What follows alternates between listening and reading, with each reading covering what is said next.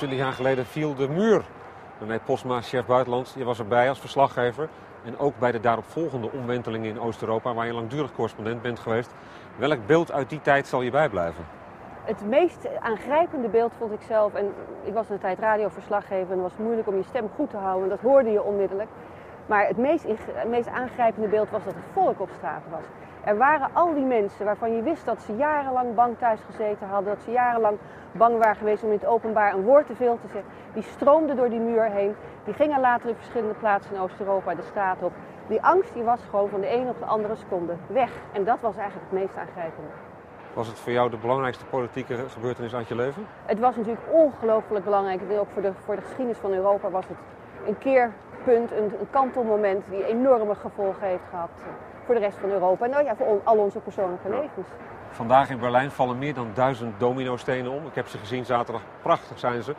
Kun je zeggen dat die landen van Oost-Europa ook omvallende dominostenen waren? Absoluut. Absoluut. Het, was, het waren omvallende dominostenen. Waarom? Omdat Moskou zijn greep op Oost-Europa had laten varen. Waarom deed Moskou dat? Omdat ze het gewoon niet meer konden betalen. Het was niet omdat Moskou ineens niet meer communistisch wilde zijn, maar ze konden het economisch niet meer aan. Moskou liet het varen. Amerika liet de landen zijn gang gaan. En wat zag je dan? Polen, het land waar de grootste oppositie was, ging als eerste onderhandelde zeg maar, de overgang naar de democratie. Daarna Hongarije. Toen kreeg je Oost-Duitsland. Later kreeg je Tsjechoslowakije en later nog weer Roemenië en Bulgarije. Als domino's zijn ze gevallen omdat Moskou ze heeft laten vallen. De val van de muur en het einde van de Koude Oorlog legde zeg maar, de basis voor nieuwe mondiale verhoudingen. Amerika was de winnaar en Rusland de verliezer van de Koude Oorlog. Ja, en doordat Rusland de verliezer was, raakte hij natuurlijk ook heel veel invloed in verschillende plaatsen in de wereld kwijt. In Afrika, Latijns-Amerika, daar kwamen dus allemaal bewegingen op gang. Daar kwamen ook oorlogen op gang daardoor, mede daardoor. Eh, en vervolgens kreeg je natuurlijk ook dat de globalisering een enorme impuls kreeg doordat dat verstarde systeem losging en de vrije handel overal mogelijk, nagenoeg overal mogelijk werd. Ja. En eh, ja, daar is, is Rusland de grote verliezer bij gebleken. En het Westen tussen aanhalingstekens voorlopig de grote overwinnaar. Maar uiteindelijk natuurlijk niet alleen. Nee. Niet alleen zeg je, want ook China en India worden als overwinnaars van de, de, Koude Oorlog beschouwd. Nu het economisch florissant met ze gaat. Nou ja, overwinnaars van de Koude Oorlog, daar kun je je vragen bij hebben. Maar China is natuurlijk een land wat op dit moment de meeste aandacht trekt in de hele wereld. De grote handel, China is overal in de wereld, economisch is het overal. Met een Leninistisch, kapitalistisch model wordt gezegd. Ja, en dat betekent dus dat het communisme daar nog officieel bestaat. Nou, dat is natuurlijk, in praktijk is dat niet zo. Er is een partij die alles in de hand heeft. En voor de rest is het een vrije markt in het land binnen bepaalde grenzen. De reden waarom China bijvoorbeeld de economische crisis van het afgelopen jaar geweldig heeft kunnen weerstand bieden. En er als een van de beste landen uit is gekomen. Om nou de lijn door te trekken van de Koude Oorlog naar China nu de geschiedenis gaat niet langs rechte lijnen. De geschiedenis is heel gecompliceerd.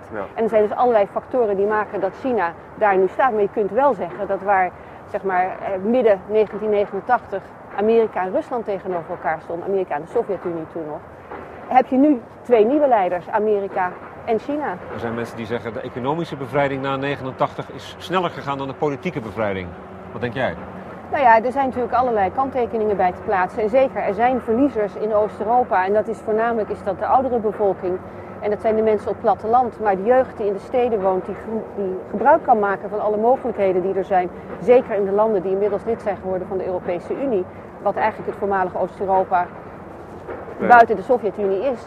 Eh, die hebben allerlei mogelijkheden. Die kunnen studeren in de wereld, die kunnen overal heen gaan waar ze willen. Ja. Eh, daar is dus een enorme dynamiek op gang gekomen. Wat niet wegneemt dat de politiek in heel veel landen nog altijd wankelt of wankelt. Het zijn stabiele landen, maar het, is, het zijn, er zijn veel kinderziektes. Er, zijn veel, eh, er is altijd een hoop gedoe in een land als Polen, in een land als Tsjechië. Met president Klaus en de, en de Europese grondwet. Dat zijn allemaal heel ingewikkelde zaken. Maar het zijn wel kinderziektes. Hoe is één land dat het echt goed gedaan heeft? Nou, datzelfde Tsjechië doet het eigenlijk heel erg goed, behalve dat er die president zit die heel erg veel aandacht trekt.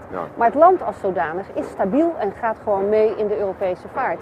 En een land als, als Roemenië gaat op dit moment heel erg slecht.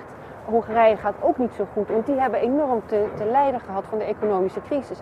Hebben de afgelopen jaren verzuimd om de noodzakelijke hervormingen die pijn doen, dus bijvoorbeeld in het onderwijs, in ziekenhuizen, in eh, de overheidsvoorzieningen, om daar flink in te snijden. En nu zitten ze met enorme schulden. En ja, dat, eh, daar zullen ze dus toch nog een keer echt moeten doorpakken. Terwijl in de landen waar meteen al heel hard is ingegrepen, Tsjechië, Tsjechië Slowakije, Polen, daar uh, gaat het toch veel beter. Ja, tien van die Oost-Europese landen zijn lid geworden van de Europese Unie, twaalf van de NAVO. Je zou kunnen zeggen, Europa is toch wel een stukje hechter geworden.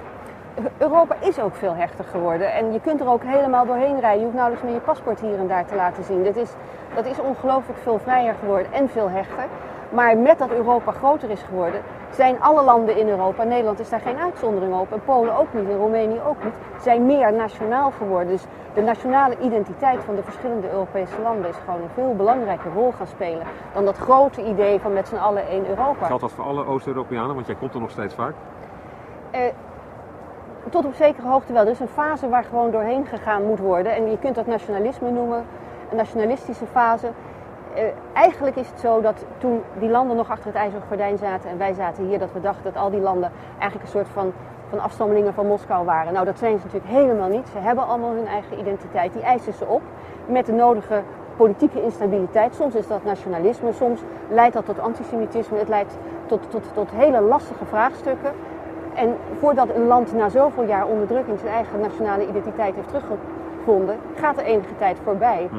Wat, het, wat de overeenkomst is met West-Europa, is dat wij ook met zo'n soort van proces bezig zijn. Alleen komen wij van een andere plek.